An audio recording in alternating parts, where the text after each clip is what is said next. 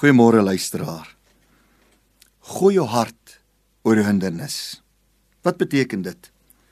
'n Sweefstok artis het met angs en vrees getwyfel toe hy vir die eerste maal van sy platform hoog in die sirkustent moes spring. Angsbevange roep uit: "Ek kan dit nie doen nie."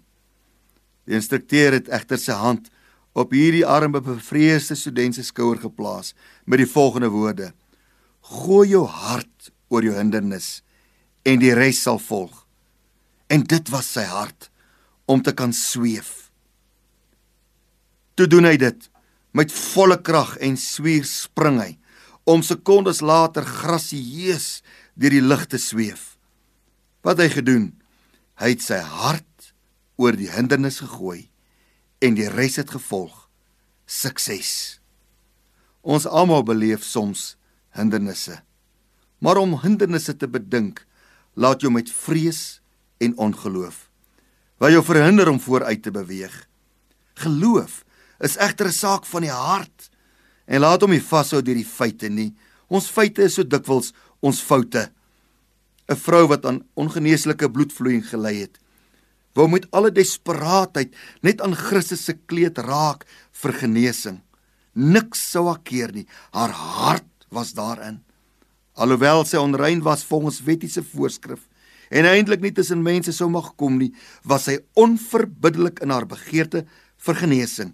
En die oomblik toe sy aan Christus raak, is sy genees. Wat het sy gedoen? Sy het haar hart oor haar hindernisse van siekte en onreinheid en vrees gegooi en die res het gevolg. Goeie resultate van genesing. Geloof is nie gebaseer op feite nie. Dis 'n saak van die hart. Gooi vandag jou hart oor jou hindernis. Gooi jou hart oor jou angs en jou spanning vir die dag en die res sal volg. Jy ken jou hindernisse. Verskuif nou jou fokus terug na jou hart. Kyk, praat en leef weer met jou hart.